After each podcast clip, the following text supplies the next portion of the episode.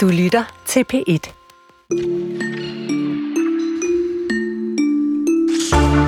På decembers første mandag skal det i dag blandt andet handle om det gode.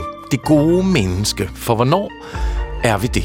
Hele december øh, vil vi, her i Kulturen møde stemmer og personligheder, der folder det gode ud. Og i dag, der kan du møde fodboldspiller og læge Nadia Nadim. Du kan lytte med om 20 minutter. Ellers er kulturen i dag fuld af ord, eller rettere af trygte ord. Vi kaster os over bogbøder hos bibliotekerne, for er det smart at opdrage os læsere, eller øh, skal vi helt afskaffe de her bogbøder? Det diskuterer vi øh, lidt senere og kigger nærmere på også faglitteraturen herhjemme, der er under pres. Men vi begynder med kunstig intelligens. Her i studiet to, står to øh, fuldstændig lyslevende organiske dyr, Jesper Dein og Linnea Albinus Lande. De spiser ikke, og de sover ikke, og de tjener mange penge. Sådan skriver den tyske avis Der Spiegel om AI-influencer, altså kunstig intelligens. Ikke mennesker, øh, men virtuelle influencer. Dukker, der reklamerer for alt fra mode til mad. Og de lever det her perfekte liv. Selvfølgelig gør det det. Det kan man lige så godt, når man nu er kunstigt skabt. De får aldrig nedture, eller spiseforstyrrelse, depressioner eller andre meget besværlige menneskelige reaktioner. Men de skaber også en øh, entydig og perfekt verden, som vi mennesker jo selvfølgelig aldrig nogensinde kan leve op til, fordi vi oplever nogle af de her ting, som de så ikke gør. Og derfor har en forening Down Syndrome International i samarbejde med et tech-firma skabt en virtuel influencer med Down-syndrom, verdens første influencer med Downs. Kami blev genereret ved hjælp af maskinlæring fra fotos og videoer af 100 forskellige kvinder med Down-syndrom.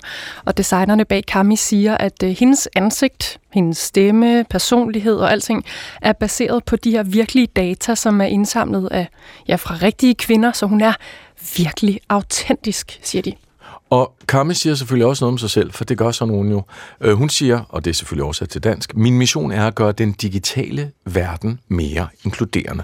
Men gør initiativer som Kami her den digitale verden mere inkluderende, eller tænker vi bare nå og driver videre i de der digitale toger?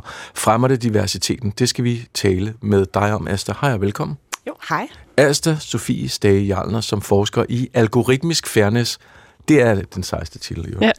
algoritmisk fairness ved det juridiske fakultet på Københavns Universitet. Asta, sådan et projekt som, som Kami her, det er jo bare et af mange. Men nu har vi hævet hende frem for at have et, et konkret eksempel. Hvad tænker du om sådan et projekt?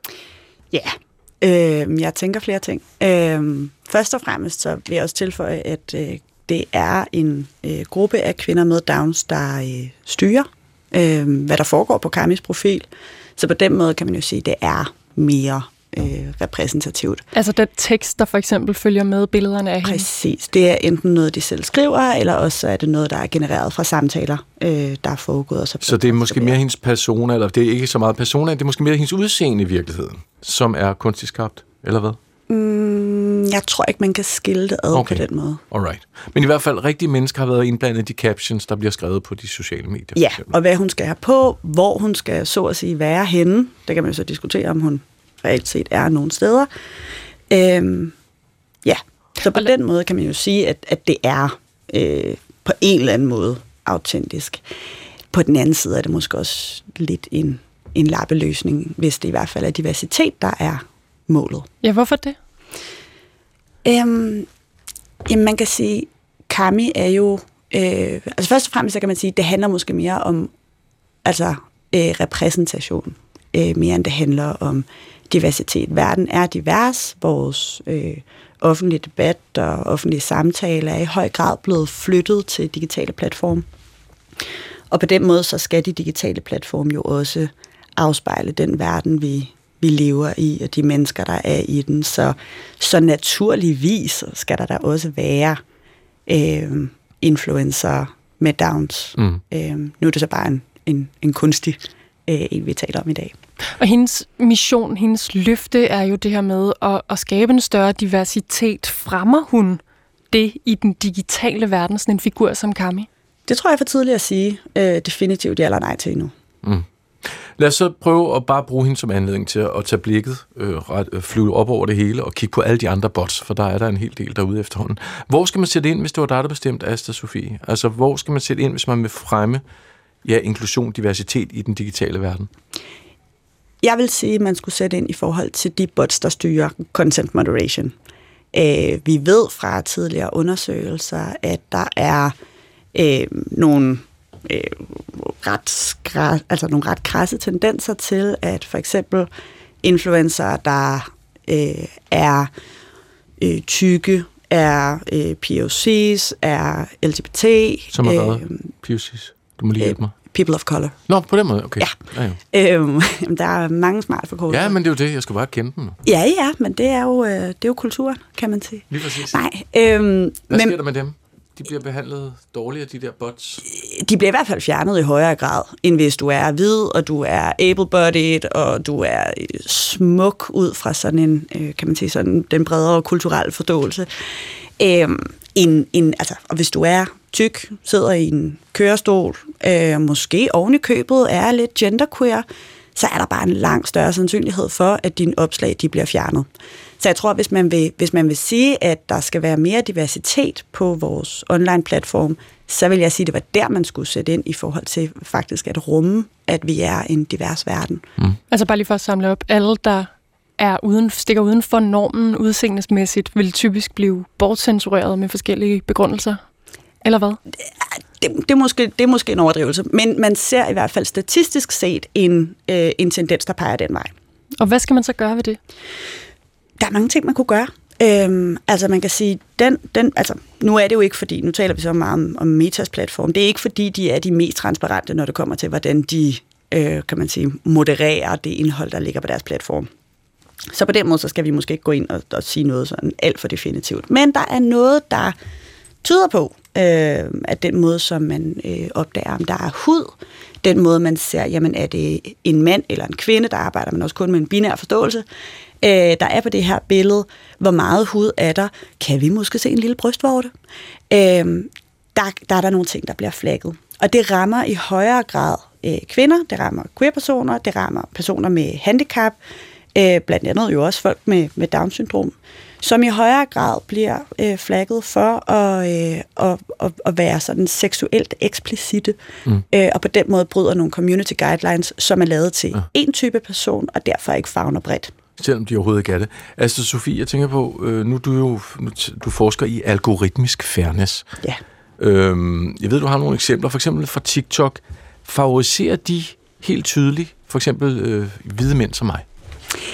Altså man kan sige, det, det er jo svært at sige, hvad, hvad der bliver gjort nu. Men sidst der blev kigget på det, der øh, var det da, øh, altså kan man sige, tynde kvinder, som er hvide og var rige, øh, det var dem, der helt klart blev, blev promoveret, og på den måde også havde en større sandsynlighed for at gå viralt, altså også havde en større mulighed for at kunne tjene en hulens masse penge på øh, at være influencers. Mm. Og så er det sådan set ligegyldigt, eller hvad, om det er AI-genererede influencer, vi kigger på, eller om det er virkelige mennesker i den anden ende? Mm, der tror jeg, forskellen ligger et andet sted. Øh, man kan også se, at øh, mennesker, der så at sige stikker uden for, for den, den hvide mandede norm, også modtager langt mere had online. Og der kan man sige, at der er en, en kunstig intelligens og en, og en AI-influencer, har ikke et følelsesliv. Den bliver ikke ked af det, øh, hvis den bliver angrebet på, på sin identitet. Så på den måde kan det jo være med til at normalisere øh, ja, men man kan vel også sige, nu snakker vi lige om, det var, at, at det var folk med Downs, eller folk, der havde erfaring med Downs, som var med til at skrive de her tekster til nu, vender jeg lige tilbage til Kami der, ikke? Ja. De bliver vel ked af det. Det kan godt være, at Kami er AI, men de bliver vel ked af det, hvis Kami bliver overfaldet i kommentarfeltet på et eller andet øh, Somi-side, ikke? Ja, det vil jeg da også ja. gå ud fra. Det vil jeg da også selv blive. Ja. Mm. Så hvis man vil kritisere, så gør det i en DM? Ja, måske også bare overveje, om, om det er had, du nødvendigvis behøver at spyde ud øh, i det offentlige rum på den måde. En rigtig god slutpointe. Tak for, at du kom. Asta Sofie Stage Jarlner, phd studerende og forsker i algoritmisk fairness ved det juridiske fakultet på Københavns Universitet. Og mens Asta stille og roligt forlader studiet, så øh, får vi to nye gæster ind, fordi øh, nu skal vi tale øh, om faglitteratur. I en tid med massiv konkurrence på mediemarkedet, det er jo blandt andet, vi taler om også nu, med de digitale streamingtjenester, podcast og en lang række gratis tjenester på nettet, hvor der skæres i biblioteker, øh, og det danske bogmarked, der generelt er presset, så er den danske faglitteratur selvfølgelig var jeg lige ved at sige, også presset mm. på flere parametre. Alle ramt. Det har fået den faglitterære gruppe i Dansk Forfatterforening til at arrangere en høring i dag på Christiansborg, hvor de sætter fokus på faglitteraturen og på, hvorfor det er vigtigt, den ikke bliver overset ganske enkelt. Og derefter øh, så kommer vi, ja, så kigger vi på øh, de her forskellige vilkår, kigger på, hvordan faglitteraturen er placeret i dag, og hvad for en rolle den genre egentlig har haft i Danmark gennem tiden. Og vi har inviteret et par gæster i studiet. Vi starter med at præsentere den første. Det er Henrik Poulsen. Velkommen til dig, Henrik. Ja, tak for det. Øh, formand for den faglitterære gruppe i Dansk Forfatterforening. Henrik, lad os lige starte med at få på plads. Hvorfor er det, at faglitteraturen er under pres i dag? Er det alle de parametre, vi kender også fra andre øh, genrer? Det er blandt andet på grund af de andre parametre, vi kender fra andre genrer. Der sker noget på medieområdet, øh, flere og flere digitale øh, medier, streamingsmedier, og det er klart, det er en, øh, det er en periode, hvor, hvor, hvor indhold flytter sig ud på andre medier. Så på den måde, eller på det vilkår, er faglitteratur ikke mere presset end anden tidligere trygt litteratur. Men udover det er faglitteratur presset i forhold til de strukturændringer og udgivelsespolitikker, som øh, der er på forlagene, som i høj grad følger markedsforholdene. Og det er jo det, vi gerne vil have en opmærksomhed. Altså en underprioritering for forlagene, hvor de tænker, det kan sgu ikke betale sig alligevel, eller hvad? Ja, i sidste ende, hvad kan betale sig, og hvad ja. kan ikke betale sig? Og øh, vi kan opleve, eller vi oplever, jeg oplever blandt mine medlemmer, at de har svære og svære ved at udgive faglitteratur, som er researchet bund, som er dybt undersøgt, mm. øh, som ikke er hurtigt øh, producerbart, og det vil sige, at det koster mere for en faglitterær forfatter at lave sin bog på den måde, end, end øh, andre bøger, øh, som udkommer øh, hurtigere. Er, er det simpelthen også, fordi der er færre, der læser dem nu? Det er lige præcis en af vores udfordringer, at, at der er færre læsere, og selvfølgelig må forlagene følge, hvor læserne er. Men går vi hele vejen tilbage igennem øh, ned til skolesystemet, så kan vi også konstatere, at der er mindre undervisning i faglig læsning. Den sidste PIRL-undersøgelse fra 19, øh, 2021 påviser, at nedgangen i evnerne til at læse informative øh, tekster, som de kalder det, mm. er drastisk, i drastisk fald. Mm. Og når vi kigger i, i uddannelsesprogrammerne, undervisningsprogrammerne, så kan vi se, at fag, faglig læsning ikke prioriteres. Henrik, på, lad os prøve at være helt konkrete. Hvad, har du nogle eksempler på faglitteratur, der klarer sig godt? Lad os starte med de gode eksempler. Hvad, hvad er virkelig, hvad, hvad sælger stadigvæk? Jamen det, der sælger stadigvæk, det er en politiker, som udgiver sine erindringer. De der sædvanlige biopics, vi ser alle steder, ikke? Ja. En, øh, altså det, som, som jeg tror, det var en forlagsredaktør, nu kan jeg ikke lige huske navnet, men øh, vedkommende kaldte det for kendislitteratur. Ja. Altså hurtigt øh, producerbar litteratur, som også har en meget kort levetid, mm. men som der er et rigtig stort salg i. En fodboldstjerne, ja. en politiker, en showbiz-person, vi kender fra... Der fortæller det til en journalist, og så skriver en bog, bum, så Lige på bestsellerlisten. Meget ofte vil det være en ghostwriter, ja. som, som, som så nedskriver mm. øh, vedkommende historie. Og ikke et ondt ord om det. Øh, jeg er også nyfin, øh, hvis det skulle være en person, jeg selv var interesseret i. Mm. Men i en periode, hvor vi kan vel godt sige, at vi er overbombarderet med informationer, så kommer vi til at mangle den, den, det dybe træk i informationer, som er vederhæftigt, som er kurateret, som er væsentligt for et videnssamfund og for en oplysning. Og bare lige for at få et eksempel i modsætning til de her biografier og erindringsbøger osv., hvad kunne det være? Hvad er det, du savner? Jamen, det kunne være, det kunne være en type bog, som for eksempel Charlotte Langkildes øh, Bedraget, sagen om øh, Nordisk Fjer, som udkom i 2013. Og øh, ifølge forfatteren var hun 10 år om at lave den bog, og øh, den afdækkede nogle helt nye sider ved Johannes Pedersen, øh, den bedragerisigtede og dømte, som pressen i øvrigt ikke havde haft oppe, øh, da sagen rullede. Mm. Det er den type litteratur, som, som øh, bliver offret i, i øh, markedskræfterne og, og, og det læsepublikum og det marked, der er. Mm. Vi vender tilbage til dig, Henrik. Øh, ved siden af dig står øh, Mads, undskyld, Mads Rosendal Thomsen, professor i litteraturhistorie ved Aarhus Universitet og forperson for Kulturministeriets bogpanel, for sådan et er der selvfølgelig også. Mm. Hej Mads. Hej. Øhm, vi har jo altså lige talt øh, hurtigt her med Henrik om de udfordringer, som faglitteraturen har den dag i dag. Men hvad er det for en rolle? Lad os øh, kigge på faglitteraturen i dag i Danmark. Hvordan bruger vi den? Jamen, vi bruger den jo, øh, når vi gerne vil have dyb viden. Øh, der er boghandler, der har vist øh, med deres salgstal, at øh, her i forbindelse med for eksempel Israel-Palæstina-konflikten, altså folk har altså faktisk søgt til at købe flere bøger omkring det, for at forstå i, dybden, hvad der foregår her. Ja. Så det er jo et, et vigtigt og nødvendigt supplement, heldigvis for en nysgerrig befolkning, der gerne vil et spadestik dybere i Så det hele det måde- her økosystem af viden, som vi, vi jo bliver bombarderet med. Undskyld, jeg afbryder, men det er sådan en måde sådan nærmest at uddanne sig selv videre på, hvis man får fat i de rigtige bøger. Det er det, og det er jo kan man sige, noget, der kan have nogle virkelig gode effekter på den måde, at øh, det er jo ikke lærebøger, vi taler om her. Det er ikke skønlitteratur, som har nogle, nogle helt andre ting, ikke? og som jo på, på mange måder faktisk klarer sig godt i forhold til antal af udgivelser af folk, der gerne vil skrive skønlitteratur. Øh, der er fagbøger, kan man sige, kræver noget andet, for at være kvalitet. Øh, men det har altså også nogle muligheder for, at folk kan blive dannet omkring nogle ting, som de ikke nødvendigvis er fagpersoner på selv. Man kan gerne vide noget om videnskab og historie og demokrati, mm. og en hel masse andre emner. Mm. Hvem er det typisk, der læser faglitteratur stadigvæk? Jamen, det er bredt udsnit af befolkningen. Øh, altså, det er klart, der er stadigvæk en, en skævhed i forhold til uddannelsesniveau. At, at jo bedre uddannet man er, typisk jo flere bøger læser man.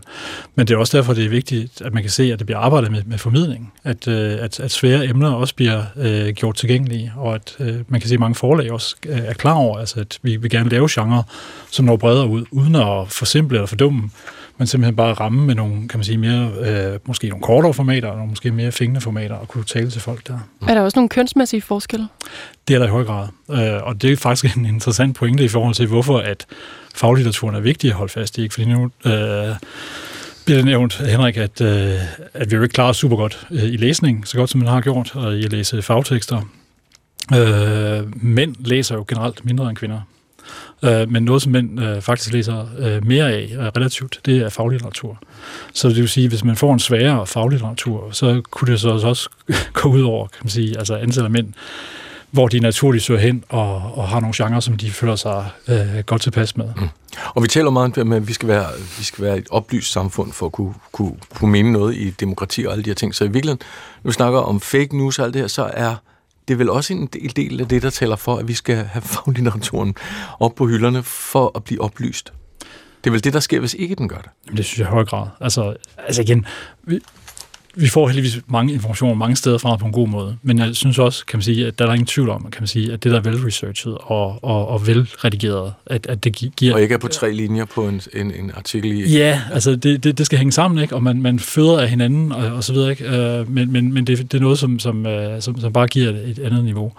Og hvor der jo er, er ting nok, som er, er vigtige i øjeblikket. Ikke? Altså man kan sige, hele forståelsen af, af vores klimaforandring, ikke? hele forståelsen af kunstig intelligens. Jeg har lige så læst en oversat faglitterær bog på vejen over i toget om kunstig intelligens. Øh, så, så den form for oplysning, der er omkring vigtige emner til nu og her, øh, er essentiel. Og så er der jo hele det historiske, at hver generation, øh, vil jeg påstå, skal have lov til at, og netop have en pligt til at genskrive øh, sin egen historie. Mm. Så hele det at kan man sige, få erindringen med, men fra der, hvor vi står nu, er også en væsentlig del, og noget, som faglitteraturen løfter. Apropos kunstig intelligens, så talte vi også lige om det jo i, i forrige af, indslag, og i det hele taget så har altså, mediebilledet, vores måde at forbruge nyheder og informationer i det hele taget ændrer sig jo hele tiden. Kan der også være noget om det, at det som faglitteraturen kunne før i tiden, simpelthen bare rykket over på nogle andre platforme nu? Henrik? Altså, vi har drøftet meget øh, AI eller kunstig intelligens, som jo i høj grad bygger på nogle sprogmodeller, som faglitterære forfattere har leveret. Øh, al den viden, som du kan sammenstykke, øh, bygger jo i høj grad på, på, på den viden, vi har fremskaffet. Og det vil sige, øh, øh, dør, dør øh, floden ud, og vi ikke har mulighed for at skrive mere, og øh, finder et andet job, så dør kunstig intelligens også ud. Men det afgørende for mig, det er jo, at du har ikke mulighed for, i hvert fald ikke som den er sat op nu, at finde ud af, om det er øh, kurateret viden, du ved ikke, hvor du har mm. øh, den viden fra øh, i kunstig intelligens, og det gælder også for andre øh, digitale medier, øh, Wikipedia og, og YouTube, YouTube, som mange også ser som ja, og i høj grad, ja. ikke? Mads Rosendal Thomsen, du Ja, det var egentlig den. Også bare på helt uvidenskabeligt med erfaring fra mine egne børn, der kommer og siger et eller andet spændende, og man tænker, er det noget, du har læst i skolen, eller nej, det har du set på YouTube. Ja, lige præcis. Og det er jo fint nok, ikke? Ja. Altså, der, bliver, der bliver produceret rigtig meget der, ikke? Og det, men et eller andet sted skal man jo prøve at tage det positivt og tænke, jamen altså, der er faktisk en lyst til viden. Altså, altså virkelig. En, Men de skal bare en, vide, at det Ja. er der jo. Ja. Det er der også er problemet, vel? Ja. Det er jo ikke deres go-to. Dine unger Mm. går jo ikke automatisk hen og låner en faglitterær bog. Nej. De går på YouTube. Ja. Henrik Poulsen, kan I gøre mere som faglitterære forfattere for at gøre jer attraktive og skaffe de læsere til de der mere dybtegående, tungere faglitterære værker, end I gør lige nu? Ja, det kan vi selvfølgelig. Vi kan blive endnu bedre til at skrive til det publikum, vi gerne vil have i, i tale. Og øh, et af vores øh, forslag, det vil jo være, at, øh, at øh, Kulturministeriet tager initiativ øh, til at øh, oprette en forfatterskole for faglitterære forfattere. Det kunne ligge i forbindelse med et universitet. Så akademikere eller andre frie faglitterære forfattere kan lære at formidle deres viden. Det er helt klart, det vil betyde meget. Mm. Og så kan vi håbe på, at, at dagspressen øh, vil begynde at anmelde flere af de faglitterære værker, som har betydning for, for det danske øh, diskussionssamfund mm. eller debatsamfund. Og Mads Rosendal, Tom, du sidder jo netop i Kulturministeriets bogpanel, der rådgiver og, og hjælper med at træffe nogle beslutninger derinde, hvor det gør en forskel. Hvad, hvad tænker du, hvad skal vi gøre ved det her? Hvad er din, din idé til det? Det- Altså, problemet er, at der er jo mange forskellige, der, der kan man sige, der samler regningerne op lige nu. Ikke? Så Mm. det kan man sige, og det er jo en væsentlig politisk diskussion, ikke? fordi der er masser af ting, som kan man sige, øh, vi har, hvor vi er nødt til at sige, at det er ikke kun markedet, der skal bære det op. Så hele spørgsmålet om, er det fonde, er det biblioteker, er det øh, andre, der, der så at sige er nødt til at Støtte lidt. støtte noget Ja. mere, for at, at man bevarer noget, som virkelig er bevaringsværdigt. Det kan man sige, det er jo det er jo også derfor, der er en høring om det. Altså, at øh, det er faktisk et politisk spørgsmål. Mm. Øhm, så tror jeg også, kan man sige, at, at det betyder meget, og, og det er en positiv ting, synes jeg, i vores tid, det er jo altså, at ideen om øh, litterære fællesskaber er blevet udvidet meget. Altså det, at man, man bruger hinanden og bruger bogen til at, at, at, at være samtaleemner osv. Og, og der tror jeg, kan man sige, også, man, kan man sige, hvis man har flere til at læse, et eller andet sted øh, bruge de læseforeninger og Læseklubber, højskoler, ja. ja. læseklubber og sådan Mm. noget, ikke? til at sige, her er faktisk noget stof, som vi skal undersøge sammen. Der er nok af mørke timer. Ja, og nok af mørke timer at læse. ja. Nej, hvor er det sort sagt. Nå, men det er det jo. Dejligt. Mads Rosendal Thomsen, tak for at du kom. Velkommen. Professor i litteraturhistorie ved Aarhus Universitet, og som sagt også forperson for Kulturministeriets bogpanel. Også tak, tak til dig, Henrik Poulsen, forperson for den faglitterære gruppe i øh, Dansk Forfatterforening, der altså har indkaldt til den her høring på Christiansborg Fællessalen i dag kl. 16.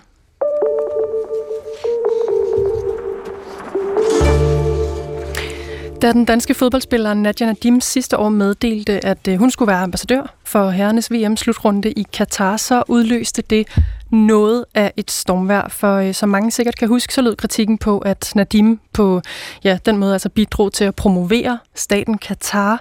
Et land, der blandt andet er kendt for korruption, menneskerettighedskrænkelser, afstraffning af homoseksuelle, indskrænkning af kvinders og migrantarbejderes rettigheder osv.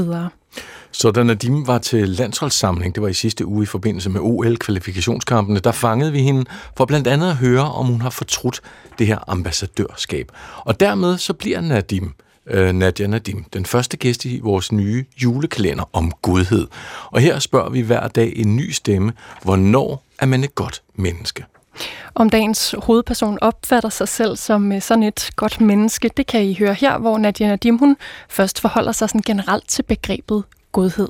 For mig er godhed, det er rigtig mange ting, men det at være et godt menneske, det er egentlig, det er en, der er ærlig, øh, en, der er omsorgsfuld øh, omkring de mennesker, man har omkring. En, der egentlig giver noget sådan positiv energi, øh, måske også har en eller anden aura omkring sig, der gør, at man føler sig godt tilpas omkring mennesket. Men ikke, men og så ærlig, som det tror jeg fylder meget for mig. Ærlighed og direkte, altså øh, jeg kan godt give dig rigtig meget øh, kærlighed, men hvis til tider øh, kan man også være lidt øh, barsk og høre sandheden, men i sidste ende bunder det jo, at man gerne vil være et godt menneske og hjælpe dig måske. Um, så det er et stort begreb, men for mig øh, egentlig er at være dig selv og være ærlig og, og omsorgsfuld og vise kærlighed, og det kan man gøre på bestemte måder. Um, øh, hvis det skal være mig, så er jeg sådan en, der både siger, men også gør ting. Um, um, Ja, hvad gør du konkret for at øh, være et godt menneske og leve op til dine egne idealer om, hvad godhed er? Uh, jeg prøver at have, så jeg sørger for, at de mennesker, der omkring mig, de føler sig set, øh, føler sig anerkendt, øh, føler sig godt tilpas, når de er i mit selskab. Øh, jeg prøver at gøre en forskel for de mennesker, der har brug for, øh, øh, for det. Øh, lokalt vi gør jeg det der, jeg har overskud, at når jeg har det overskud, hvor jeg kan gøre, at give en hjælpende hånd. Øh, globalt nu heldigvis er noget der til, hvor jeg kan gøre ting i større omfang. Øh, Øh, rejser jeg rundt i, til refugee camps, øh, til events, øh, og, og på den måde prøve at give så meget af mig selv, jeg kan. For mig handler, handler det om, at når man er et godt menneske, så har man empati også. Øh, det er, at man, man kan sætte sig, sympati også, man kan sætte sig i andres position, og man kan man kan måske forstå et, et menneske, øhm, og, og når du gør det, så, så, så når jeg har det på den måde, og ved, hvor de mennesker, hvordan de har det, og hvad de går igennem, øhm, så gør jeg selvfølgelig alt i min magt for at kunne få hjælp dem, fordi, for det forestiller, hvis det var dig, der skulle give dem alt det der. Hvordan vil du have det? Så ja, altså forståelse tror jeg også er en del af det. Som jeg sagde, det er et stort begreb, så der er rigtig mange ting. Men, men, men jeg prøver selvfølgelig, som jeg sagde, at handle så meget, som jeg kan. Nu, nu har jeg ikke så meget magt endnu. Det skal nok komme en dag. Men jeg prøver at bruge den stemme, jeg har, det platform, jeg har, til at gøre en forskel, udrette noget, øh, give folk håb, øh, kunne snakke om, om hvis det er flytningebørn, øh, der er nogle flytningelejre, um, øhm, snak, og det er for det er den eneste ting, jeg kan, um, tale med dem om, at, at at, at det nok skal gå. Uh, give dem omsorg, uh, give dem ja, noget af det energi, jeg har, og at, at de nok skal komme igennem, for jeg har været der, for eksempel. Og hvis der er noget materiale, jeg kan gøre, donationer, det gør jeg også, um, så meget som jeg nu kan. Um, så ja. Nadia Nadim, hvor vigtigt er det for dig, at andre også synes, at du er et godt menneske? Fuldstændig irrelevant, ligegyldigt. Jeg, jeg gør det ikke for for andre. Jeg gør det, fordi jeg synes, det er det rigtige, jeg gør. Øh, det er sådan, jeg er blevet opdraget. Jeg, jeg føler selv, jeg er i stand til at kunne skille mellem, hvad der er rigtigt og hvad der er forkert. Og jeg føler selv, jeg er i stand til at kunne føle og mærke efter. Um, og jeg er ikke sådan... Jeg vil ikke sige, at jeg er sådan en spontan type. Det gør jeg, fordi det, det er rigtigt nu. Jeg er sådan en, der sætter mig ind i tingene. Jeg prøver at sætte, se problemstillingen fra forskellige perspektiver. Øh, jeg prøver ligesom at skifte kontaktlinser altså på noget, jeg ser på, og så, så mærker jeg efter, hvad er det rigtige, jeg gør. Og så gør jeg det. Og jeg gør det ikke, fordi jeg skal please nogen. Jeg gør det ikke, fordi, øh, fordi, øh, fordi alle andre gør det. Jeg gør det, fordi det føles rigtigt, og det er det rigtige i min, i min mening, min opinion. Um, så hvad andre synes er fuldstændig ligegyldigt for mig.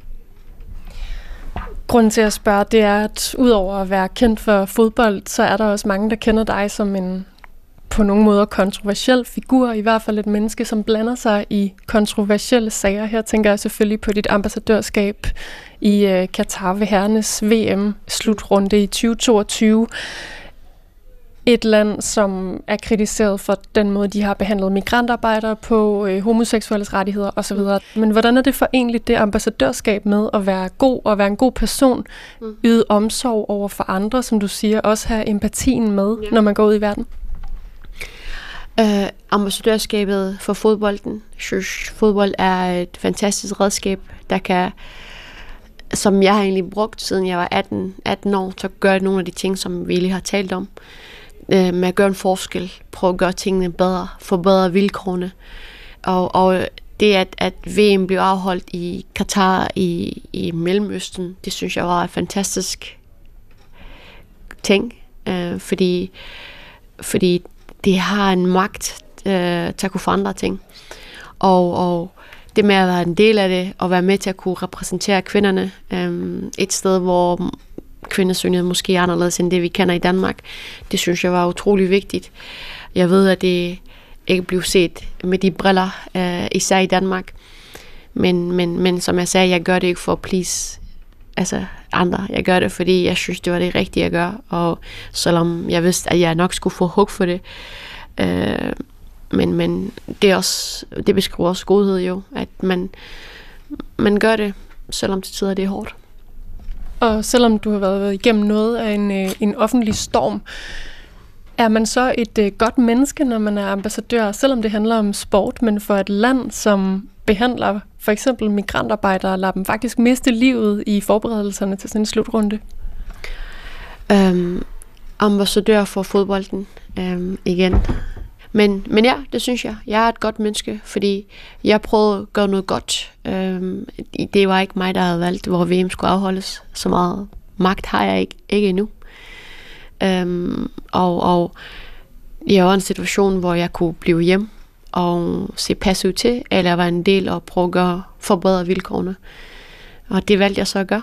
Øhm, og jeg valgte at repræsentere mine værdier, mine holdninger øhm, i Katar, øh, og, og være med til at kunne måske ændre synet på, hvordan man ser fodbold, kvinder, kvinder øh, og sport.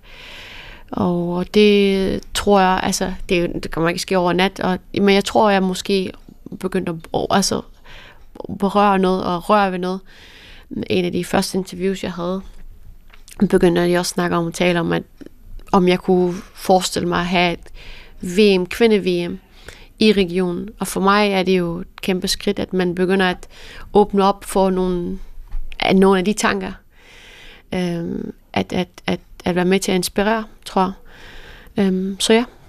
Og er det, værd, er det det værd med vidsheden om, at det også har kostet menneskeliv at holde det VM der, selvom det var sport, men that aside, var det så det værd? At jeg var der, eller at, at du var der som ambassadør? Eller at, at sporten eller VM blev afholdt i regionen. Ej, at du var der som ambassadør? Ja, men jeg har jo ikke været med til at kunne, altså, at de mennesker mistede livet. Jeg har ikke bestemt, at VM skulle afholde. Det var, det var FIFA. Det var 10 år siden. Og men du har valgt at være ambassadør? For VM. Jeg er ambassadør. Det er ligesom dit arbejde at, at spørge til mig nu og lave interviews. Så er mit, mit arbejde også at, at repræsentere fodbolden. Jeg er fodboldspiller. Øhm, jeg synes, jeg har pligt til at repræsentere, og jeg synes, det er vigtigt, at jeg repræsenterer kvinderne. Øhm, så for mig, den del af det 100%, at der, der er mennesker, der har mistet livet, det er selvfølgelig tragisk, og der er vilkårene ikke havde været ikke er fantastisk og på det niveau, man gerne vil have. Øhm, det er også virkelig tragisk, og jeg håber, at det VM har været med til at kunne forbedre vilkårene, og det at Øhm, og at det blev afholdt der, som igen, jeg nævner det tredje gang, det er ikke i mine hænder. Øhm, så meget magt har jeg ikke. Øhm, men jeg synes, det er fedt, at vi har den her diskussion, fordi hvis vi ikke hvis vi ikke var for VM, så har du aldrig nogensinde stillet mig det spørgsmål. Øhm, og, og, og som jeg siger, det er, det er det, fodbolden kan gøre, at man sætter fokus på ting, øhm, som normalt vil være irrelevant, fordi lige pt. er der også rigtig mange mennesker, der dør andre steder, men det taler vi jo ikke så meget om, og jeg ved ikke, og det er hele verden. Øhm, så jeg håber selvfølgelig, der man kan jo ikke vente på, at der bliver afholdt VM i, i de steder, før vi kan snakke om det, men um, that's just my opinion. Og den magt, du har, den er jo så faktisk trods alt at vælge eller vælge eller være med at være ambassadør for VM i Katar. Er der noget ved det ambassadørskab, som du har fortrudt nu her, hvor der er gået et års tid? Nej, overhovedet ikke. Um, jeg synes, har jeg fortrudt noget? Uh, nej, det har jeg ikke. Jeg vil ønske, jeg vil ønske måske, jeg, men problemet var, at medierne ikke rigtig vil høre, Øh, fordi jeg vil egentlig gerne forklare det mere, men jeg synes bare, uanset hvad jeg sagde, så, så kører de deres agenda. Og det er jo fair nok. Jeg ved også godt, hvorfor. Øh, jeg tror, fordi det sælger. Øh, uh, ja, altså, jeg er den, jeg er. Og, og hvordan kan man sælge bedst? Det er ved at køre det sådan ligesom os mod dem. Og altså, Nadia Jeg tror også måske, hvis jeg havde blondt hår, lyse øjne, øh, jeg øh, tror stadig, jeg har fået kritik, men jeg tror ikke, jeg har fået det på samme måde. Og det er realiteten. Øhm, det er ikke noget offerkort, jeg trækker, eller noget som helst. Just, det er realiteten, og hvis man ikke kan indse det, så igen, måske en lille smule ignorant. Øhm, ja. En ting er, at det måske har solgt nogle aviser, ja at skrive de her historier om kritikken af dig, men den var der jo trods alt også fra den brede offentlighed. Der var rigtig mange mennesker, som var vrede på den beslutning, du tog om at være ambassadør. kan man være et godt menneske, når andre mennesker synes, at man måske ikke er det i så høj grad, som man selv synes? Det synes jeg. Øhm, fordi, fordi jeg tror, for mig afhænger det af, hvordan man ser verden. Du ser det på en måde, og jeg ser det på en anden måde. Bare fordi du tror, det er det rigtige, gør det ikke rigtigt. Og jeg tror, det er der, sådan, det, det største for mig er, at, øhm, at uden for Danmark, der er der en hel verden, øh, virkelig stor verden. Og der er folk andre meninger, andre traditioner, andre kultur, andre oplevelser af verden. Realiteten er helt anderledes. Og jeg tror, igen, jeg tror, jeg, jeg, kan, sådan sætte, jeg kan sætte mig i stand, og jeg, jeg kan have sympati empati med flere mennesker, end, end, end, end, end tror gennemsnitsdansker måske. Og grund til, at jeg siger det, er, fordi jeg har set øh, og oplevet mange af de ting. Så, øhm, og, og på den måde, så føler jeg ikke, bare fordi, at der er nogen, der har en vis holdning, at det gør det rigtigt. Jeg ved helt bestemt, at det er det, man tror, og det er også fair nok. Det, du må tro, hvad du vil. Det er dit liv. Øhm, og igen, jeg føler altid, at en af de værdier, man har i Danmark, det er, at man har ytringsfrihed, som vi vægter så højt. Når jeg så bruger det og, og vælger, som jeg gør, så burde man også kunne forstå og have accept, øhm, acceptere det. Øhm, fordi vi kan jo ikke gøre, som hvis mennesker har lyst til. Altså, du kan ikke fortælle mig, hvad jeg burde gøre, bare fordi du tror, det er det rigtige. Fordi jeg igen ser det anderledes, end du gør. Og min oplevelse er anderledes for din. Min baggrund er anderledes for din.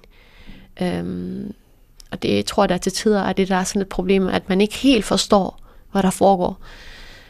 Og, men jeg håber selvfølgelig, jeg kan være med til at gøre mit bedste at kunne putte lidt mere lys på, på det. Øhm. Hvad har du lært det seneste år om, øh, hvordan man øh, ser ud i andre menneskers øjne, når de vurderer, hvad for type menneske man er, efter øh, Katar sidste år? Det, det, det, det er et svært spørgsmål, fordi det afhænger af, hvad for en menneske man snakker om. Nu uh, snakker vi om dig. Nå, nej, jeg, jeg ved godt, men altså i visses øjne. Altså er det mediernes øjne, eller er det danskernes øjne, der ikke kender mig? Jeg tror, for mig har jeg mulighed for at kunne sidde med almindelige mennesker og så snakke om det, og efter 20 minutter, 25 minutter, så kunne man have en fin dialog, og så tror jeg også bare sådan, nå ja, okay, det vil jeg heller ikke, og det, og det der med at kunne dele erfaringer. Jeg tror, det, det havde været udmærket. Det havde været fedt egentlig. Øhm, og jeg, jeg er da også værlig at sige, jeg har også lært, hvordan, nå, okay, fair nok. Det kan også være, at jeg ikke sådan ser det hele. Jeg siger ikke, jeg er perfekt, og jeg forstår alt. Det er jeg ikke. Øh, selvom jeg er ret intelligent, så er jeg ikke, altså, så er jeg også mine begrænsninger. Men jeg tror, i forhold til medierne, der er gået op for mig, at, at det er ret vildt, altså, hvor, hvor stort ansvar medierne egentlig har i, i forhold til, hvordan de er med til at danne et, øhm, et altså billede af realiteten, og, men de kan også være med til at danne et billede, som de ønsker, øh, fordi det er det, der er det populære at gøre lige nu. Um, og det for mig har det været egentlig interessant at se, at, at hvorfor en medie egentlig har balls til at kunne bare sige tingene, som de er, eller at man er ikke vil sådan blive upopulær, fordi lige pt. er det populært at sige det her. Uh, og det i mange sammenhæng kan man snakke om det. Men for mig, som jeg sagde, det, det jeg har lært, det er, at jeg skal sådan have lidt afstand medierne. Øh, jeg tror, før i tid har jeg været sådan 100%, så jeg har givet virkelig meget af mig. Fordi det er det menneske, jeg er, og jeg, som jeg siger, jeg prøver at være venner med de fleste mennesker. Men, men, men øh, så har jeg lært, at det skal jeg måske ikke være over for nogle mennesker, fordi de måske ikke har det bedste interesse i mig. Du sagde, at du er ikke perfekt, selvom du er intelligent, men er du generelt et bedre menneske end andre, Nadia Nadim? Det, det, det vil jeg ikke sige, ja. Nej. øhm, jeg tror, jeg er et godt menneske. Jeg tror også, jeg er et godt hjerte, virkelig. Øhm, og grund til, at jeg siger det, er, at altså, de ting, jeg gør, og sådan, jeg, som jeg føler for mennesker, øhm, jeg vil oprigtigt, jeg tror, der er, der er få mennesker, som generelt jeg ikke kan lide, og dem vil jeg også sige direkte til dem, jeg vil ikke sådan, altså fake det. Øhm, Mm, men jeg vil ikke sige, at jeg er bedre end andre. Det, øh, det er svært at sige. Det kan, det kan, du, det kan jeg ikke gøre på den måde. Øhm, men, men som jeg sagde, jeg, jeg går op i, hvordan folk har det omkring mig. Jeg går op i, hvordan verden fungerer. Jeg bliver berørt, når børn for eksempel bliver dræbt, og der er jordskæld, og, og, og det er sådan ting, jeg bliver berørt af, men, men jeg ved også, at jeg har mine begrænsninger. Og Hvad er det for nogle? Rigtig mange begrænsninger. Det har jeg. Øh, som jeg sagde, jeg har ikke nok, nok magt til at kunne gøre de ting, jeg gerne vil. Øhm, og der er også meget, jeg ikke forstår 100%. Øhm, jeg forstår ikke, hvorfor folk vil jeg gøre så mange ting, fordi i min verden giver det ikke nogen mening. Men, men jeg var aldrig nogensinde gå hen og så hakke på dem, fordi der føler jeg, at det måske min mangler. Måske er det mig, der ikke kan sætte mig ind i deres situation. Måske er det mig, der ikke har levet det liv, de har levet. Så, så vil jeg acceptere det. Hvad vil du sige til de mennesker, ikke til de danske medier, men til de mennesker, som synes, at det var en rigtig dårlig beslutning at være ambassadør i Katar sidste år? Til de mennesker vil jeg sige, at, at det er fair nok, det er jeres holdning, men til mit forsvar så vil jeg sige, at jeg følte, det var vigtigt, at vi havde kvinderepræsentant, der står for, har danske værdier, øhm, og tænker, altså har lært ting i, i Danmark øh, med ytringsfrihed og demokrati og, og ligestilling, og vigtigheden, at, at sporten har fyldt, øh, uddannelse har fyldt i mit liv, og at, at jeg er lige så meget værd som alle andre. Vigtigheden for at kunne repræsentere alle de værdier i et sted, hvor man måske ikke har helt samme øh, værdisæt endnu. Øhm, det føler jeg er vigtigt. Og hvis de ikke kan forstå det, så er det jo deres mangel. Øhm, fordi min intention har været at gå, gøre noget rigtigt, og i mit hjerte og min hjerne, der følte jeg, at det var det rigtige at gøre. Og, og jeg gør det ikke for mig selv, men fordi Nadia Nadim der er i regionen og ikke har de muligheder, øh, som en Lisa har i Danmark. Øhm, fordi det bliver påvirket af. Jeg synes, det ikke, jeg synes ikke, det er fair, at bare fordi man er født et sted, at man ikke har de samme muligheder. Og det vil jeg gerne ændre. Og det med at være passiv og kigge på og håbe, for mig er ikke en plan. Håb har aldrig været min plan. Uh, jeg som jeg sagde, er et optimistisk menneske. Til tider måske for optimistisk. Men mine intentioner tror jeg altid er det rigtige. Selvom man ikke kan se det. Men, men jeg er egentlig lidt ligeglad, om du kan se det eller ej. Beklager, fordi jeg har ikke sat på den her verden for at kunne gøre dig tilfreds. Det tror jeg ikke, er. Men så er det den her verden for at gøre Katar tilfreds? Nej, det er, ikke, det er heller ikke rigtigt. Uh, jeg sætter den her verden for at være en stemme for de Nadia Nadim, der er i verden. Fordi verden er større end Danmark. Og realiteten er helt anderledes, end du tror. Øhm, og det, man skal ikke rejse ret længe herfra. Øh, så ser du, hvordan verden egentlig er. Ja, i en optimal verden, så jeg ønske, man havde samme vilkår, som man har i Danmark. Det er jo selvfølgelig drømmescenarie, men det har man kraftet med ikke mange steder. Virkelig. Altså, du, og du behøver ikke være, du behøver ikke rejse crazy steder. Øh, Østeuropa, USA, Afrika, Sydamerika, Asia, Mellemøsten. Altså, der er virkelig mange steder, hvor man, hvor man ikke har de samme vilkår. Øhm, og, og igen, hvad er det, man kan gøre? Hvad gør du ved det? Hvad gjorde du ved det? Udover at kritisere mig. Mm. Og igen, siger jeg, det er fair nok, det er din, det er din ret at have en holdning. Men, men jeg vil hellere ja, som jeg sagde, jeg vil gerne være den stemme for de piger, der ikke havde en stemme, fordi jeg var selv der en, dag, en gang, inden jeg kom til Danmark, der var jeg ni år. Der havde jeg ikke en stemme. Så øh, hvis man ikke kan forstå det, så er der ikke meget, jeg kan gøre. Sorry, I did my best. Og sådan sagde fodboldspilleren Nadia Nadim, da vi talte med hende i forbindelse med Kulturens julekalender, der altså kredser om, hvad det egentlig vil sige at være et godt menneske. I morgen kommer der endnu et afsnit. Øhm, der er det som bekendt tirsdag den 5. december. Der er det musiker og skuespiller Daimi, yes, Daimi, reflekterer over spørgsmålet om godhed.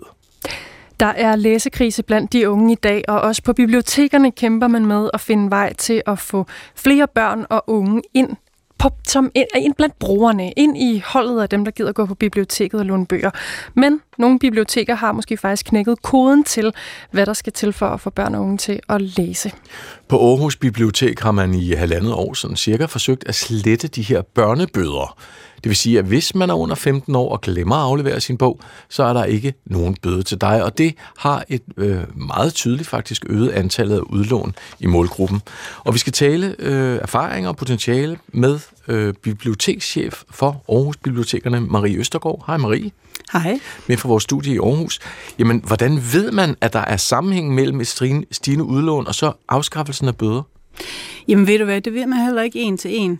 Øh, men man kan jo se en tendens, hvis man kigger på tværs af hele verden, fordi det her det er en tendens, der er mange steder, ikke kun i Danmark, øh, man begynder at kigge på det, øh, at man, der er en tendens til, at øh, lånene stiger, når man fjerner bøderne. Jeg vil lige skynde mig at rette dig, det er altså kun øh, det er op til og med 13 år i Aarhus. Okay, til og med 13. Mm. Altså under 13 år. Men det vi kan se, det er jo, at vi kan se, at, at børneudlånene stiger, Øh, og vi kan se, at mange af de forskellige tiltag, der bliver gjort øh, på børneområdet for at skabe øget lægeløs, øh, læseløst, det faktisk har en effekt. Mm. Men vi kan jo ikke en til en sige, at det er lige præcis på grund af den ene eller den anden eller den tredje ting, for bibliotekerne gør jo rigtig mange ting på én gang. Ja, medvirkende årsag, kan vi så kalde det ja. i hvert fald. Det kan vi sige. Marie Østergaard, øh, I indledte hele det her forsøg for cirka halvandet år siden. Hvad har overrasket dig?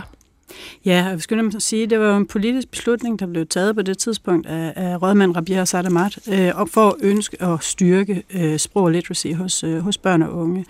Øh, jeg vil sige, det overraskede mig måske, øh, at, øh, at, det, at det blev oplevet kontroversielt, øh, at man ikke længere øh, skulle, skulle have gebyrer for børn og unge fordi øh, det er noget, vi ser mange steder. Øh, Danmark har måske været lidt bagefter i forhold til at gå i gang med det her.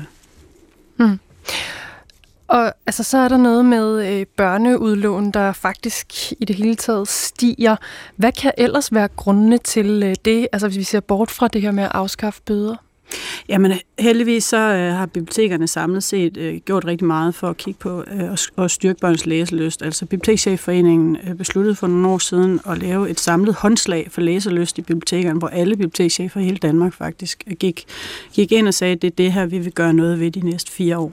Øh, store øh, fokus på øh, læsevan, børns læsevaner, som, øh, som vi alle sammen sidder og læser ihærdigt igennem, når de kommer ud, for at se, hvor er det, vi kan sætte, sætte ind. Øh, I Aarhus øh, blev der også lavet en politisk beslutning om en strategi for sprog og literacy, som blandt andet handlede om samarbejde mellem skoler og biblioteker, og hvordan vi kunne så styrke læselysten hos, øh, hos børn og unge. Så jeg tænker, noget af det, som, som går igen, er, at vi hele tiden afsøger nye måder at formidle børnelitteratur, både til børnene og til deres voksne, øh, og ikke bare regner med, at det formidler sig selv. Øh, det tænker jeg nu heller ikke, bibliotekerne har tænkt i mange år, men, men der bliver virkelig afprøvet nogle stærke formater rundt omkring, øh, for at få styrket formidlingen af litteraturen, og også styrke den her læseløst. Ja. Har I oplevet jo nogle ulemper ved at afskaffe bøderne på den her måde? Fordi de er der jo en årsag andre steder, kan man sige. Altså, den eneste ulempe, der jo kan være i det, det er jo den økonomiske. Øhm, og det er da også det, jeg tænker, der, der øh, spænder ben nogle steder for det. Øhm, jeg vil sige, øh, for vores vedkommende, der, der må jeg bare sige, det er, det er en kæmpe øh, gave at få mulighed for, og vi hører øh, virkelig positiv respons øh, fra vores brugere. I Skanderborg Kommune har det øh, også været diskuteret, hvorvidt de her biblioteksbøder skulle afskaffes, og Anders Skytte Agergaard, vores kollega, han talte i fredags med bibliotekschef på Skanderborg Kommunes biblioteker, Jens Ole øh, Vinter. Han øh, blev først spurgt om, hvorfor de endte med ikke at afskaffe bøderne. Jamen, vi endte med den beslutning, øh, fordi at øh, et, vi kunne se på vores øh, udlånstal af børnebøger, at de var steget øh, ret markant fra 2022 til 2023 med øh, 20 procent. Og kigger vi også tilbage til før corona, altså til 2019, som er det seneste, seneste år, vi kan sammenligne med, så ligger vi faktisk også 20 procent over udlånet af, af børnebøger i, øh, i år i forhold til øh, 2019. Så hvis det skulle være med argumentet for at, at få, få udlånt øh, øh, flere børnebøger, øh, så var det i hvert fald ikke argumentet, at vi kunne se, der kunne, øh, der kunne ligge til grund øh, til at beslutte at droppe bøderne. Altså vi har, vi har faktisk et, et, et ret stort, eller en ret stor vækst i udlånet af børnebøger. Det skyldes nogle andre ting, tænker jeg, mm. øh, øh, at det ligger bag det. Men Jens Ole, når I i Skanderborg Kommune hører om andre kommuners rigtig gode erfaringer med at afskaffe de her bøder, får det så er alligevel til at genoverveje jeres valg om og ikke at afskaffe bøderne? På nuværende tidspunkt øh, kommer vi ikke til at genoverveje det. Jeg vil ikke afvise, at vi kan komme til at, at gøre det på lidt længere sigt. Øh, men når vi kan se, at, at vi faktisk udlåner flere børnebøger øh, her i 2023, end vi gjorde i 2022, og også i forhold til før corona i 2019, øh, så tvivler jeg på, øh, hvilken effekt det har at fjerne bøgerne i forhold til at få flere børn til at læse, bøger, øh, til at læse bøger. Der tænker jeg i hvert fald, at, at, der, at der er i hvert fald brug for noget, noget, øh, et øh, mere solidt grundlag for at kunne argumentere for, at det vil have en, øh, en, øh, en positiv effekt på mm. det. Men jeg vil ikke afvise at gøre det på, på lidt længere sigt. Sådan sagde bibliotekschef på Skanderborg Kommunes Biblioteker Jens Ole Vinter og Marie Østergaard fra Aarhus Bibliotekerne. Du er stadig med. Ja. Jens Ole han betvivler øh, her, at man med sikkerhed kan sige, at det at fjerne bøderne gør, at det bliver lånt, lidt, eller lånt udlånt flere øh, bøger, lidt ligesom du sagde. Men I har vel øh, helt naturligt mistet nogle biblioteksindtægter ved at, at fjerne bøderne for, for de op til 13-årige. Hvad har det betydet konkret for jer? Jamen, det har vi selvfølgelig, og vi har også lavet nogle, en økonomisk beregning på det, øh, dengang øh, det blev politisk besluttet. Øh, I forhold til børnebøderne har, er vi i en, i en størrelsesorden, hvor øh, det var noget, vi jo kunne prioritere om på, eller det var et politisk ønske at gøre det her, og så, så går vi naturligvis øh, den vej. Jeg vil sige, hvis, hvis man fjernede voksenbøderne hos os, så ville det have en helt anden øh, markant økonomisk effekt på os. Jeg vil også sige, at Jens Ole har jo fuldstændig ret i, at øh, som jeg også sagde, vi kan ikke pege en til en på, at, øh, at det er det, der gør, at udlånet stiger. Øh, det gør, heldigvis stiger vores børneudlån mange steder, og det er også derfor, jeg nævner nogle af de andre tiltag. Det vi kan se i lande, som har været i gang i længere tid, det er nogle ret, ret markante tal, men det er jo altid svært at backtrack og sige, hvis vi nu ikke havde fjernet bøderne, hvor mm. meget var, var vores tal så steget? Mm. Det, er en, det er en svær øvelse. Mm. Marie, prøv lige at hjælpe lidt mere med de her lande, der har været i gang øh, flere øh, længere tid. Ja, hvad, hvad er det for nogle læringer, de har? Jamen, der er utrolig mange biblioteker øh, og bibliotekssystemer i USA blandt andet, og også i Holland, som har øh, fjernet øh, biblioteksbøderne. Og der, der er lavet nogle ret omfangsrige undersøgelser på, hvordan deres udlånstal har ændret sig efter, umiddelbart efter de fjernede deres bøder. Og de, er, de, de taler et tydeligt sprog om, mm. at det faktisk har en effekt. Vi har i Danmark jo en en lov, der siger, at vi skal give fri og lige adgang. Og, og, og heldigvis har vi et, et, et et velfærdssystem i Danmark, som, øh, som gør, at de fleste har mulighed for at betale en biblioteksbøde. Men når vi hører, vi har jo, altså i Aarhus har vi over 2 millioner besøg om, om året. Vi hører rigtig meget fra de mennesker, der kommer ind ad døren også. Øh, og hvis vi har en oplevelse af, at de, øh, øh der, der er forældre, der undlader at låne øh, materi- børnematerialer, fordi de er bekymret for, om, øh, om de får afleveret dem igen, og ja. Øh, det begynder at blive dyrere og dyrere, bøderne stiger, så, så skal vi jo selvfølgelig øh, forsøge at, øh, at følge det politiske ønske, der er med at give en øget adgang, og i hvert fald ikke have det som en hindring mm. for, øh, for børns øh, tilgang til litteratur. Men Marie Østergaard, øh, i forlængelse af det, du siger om fri og lige adgang, hvad så med alle andre borgere i Aarhus Kommune, der ikke læser tilstrækkeligt? Kunne man ikke også tilbyde dem den samme ordning? Hvad mener du, når du siger læser tilstrækkeligt? Altså dem, der kunne have brug for at læse noget mere, som bliver afskrækket af udsigten til eventuelt at få en bøde fra biblioteket, på samme måde som forældre til børn og de unge, der ikke er fyldt 13 endnu. Jo, nu vil jeg nødt gøre mig til dommer, dommer om, hvem der har brug for at læse noget mere. Men du har fuldstændig ret i... Voksne at, mennesker, ja, med andre ord. du har fuldstændig ret i, at der kan også sagtens sidde voksne, som har svært ved, og, øh, og som måske holder sig tilbage i forhold til at låne materialer, fordi bøderne er store. Og nu må vi se, om der kommer et politisk opbakning til at gøre det på et tidspunkt. Mm. Øh, som nævnt, så vil det have en, en, en markant øh, økonomisk øh, effekt på, på vores, øh, vores økonomi i bibliotekerne, og det vil man være nødt til at tage stilling til, hvordan man så håndterer. Lad os lige øh, runde din øh, gode kollega Jens Ole Vinter på Skanderborg øh, Kommunes Biblioteker. Øhm, Han siger nemlig sådan her, i virkeligheden er det øh, så simpelt, at det handler om, at man prioriterer læseløsning eller økonomien højst. Øhm, lad os lige høre, hvad han siger. Nej, det kan man ikke. Øh, der er i hvert fald den nuance, der handler om, at de penge, vi faktisk får ind øh, via bøder, at de indgår jo i, at vi så med nogle af de penge kan købe endnu flere nye børnematerialer øh, til udlån. Og det er en af de ting, som vi har sat så meget på de seneste år, og som vi tænker er en af de grunde, der ligger bag, at, at vores børneudlån faktisk stiger øh, så meget, som det, øh, som det har gjort. Og derudover så bruger vi også nogle af de penge til at lave nogle øh, nyudvikle og lave nogle øh, nye øh, tiltag i form af aktiviteter og arrangementer, som igen jeg også tænker er en af grundene til, at vi faktisk øh, har et rigtig flot øh, udlån af børnematerialer, børnebøger. Det sagde altså Jens Ole Vinter fra Skanderborg Bibliotekerne. Hvad tænker du om det, han siger her, Marie Østergaard? Jamen, jeg synes, det lyder dejligt. Det er jo lige præcis den form for cirkulær økonomi, der, der giver rigtig god mening. Altså, øh, biblioteksgebyrerne, øh, som vi får ind, bliver jo også brugt ind i systemet igen. Ikke en til en til nye bøger, men heldigvis har vi jo haft en, øh, en vi har haft et byråd, som har prioriteret netop børnematerialer, så vi har haft mulighed for øh, at sikre, at vi har øh, hele tiden kan købe nye materialer til, til børn og unge. Jeg, jeg er meget enig i, at det jo hele tiden handler om at få prioriteret en bred vifte af øh, tiltag omkring læseløst. Øh, ligesom det, det Jens Ole også nævner her. Hmm. Kan det, altså i sidste ende, tror du, at hvis vi kigger 10, 10, 10 år ud i fremtiden, at, det, at bøderne er afskaffet på danske biblioteker? Det er et godt spørgsmål. Jeg ved det ikke. Øh, jeg, det vil jeg faktisk nødig spå om. Jeg synes, øh, vi har måske også en tendens til ikke at, øh, at tage øh, den type økonomi så alvorligt i Danmark, altså hvad det egentlig kan betyde ind i, i, i børnefamiliers eller andre familiers øh, private økonomi. Så jeg er ikke sikker på, øh, at det opleves så øh, som et, et stort behov. Men mm. øh, lad os se, fordi det er noget, der kommer ind mange steder fra efterhånden. Tak for, at du var med. Selv tak. Marie Østergaard, biblioteksleder på Aarhus Bibliotekerne.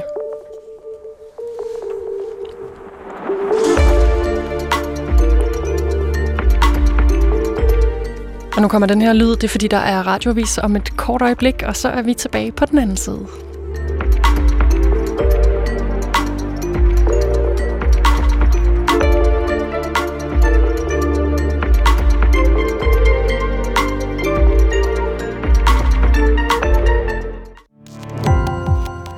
Gå på opdagelse i alle DR's podcast og radioprogrammer. I appen DR Lyd.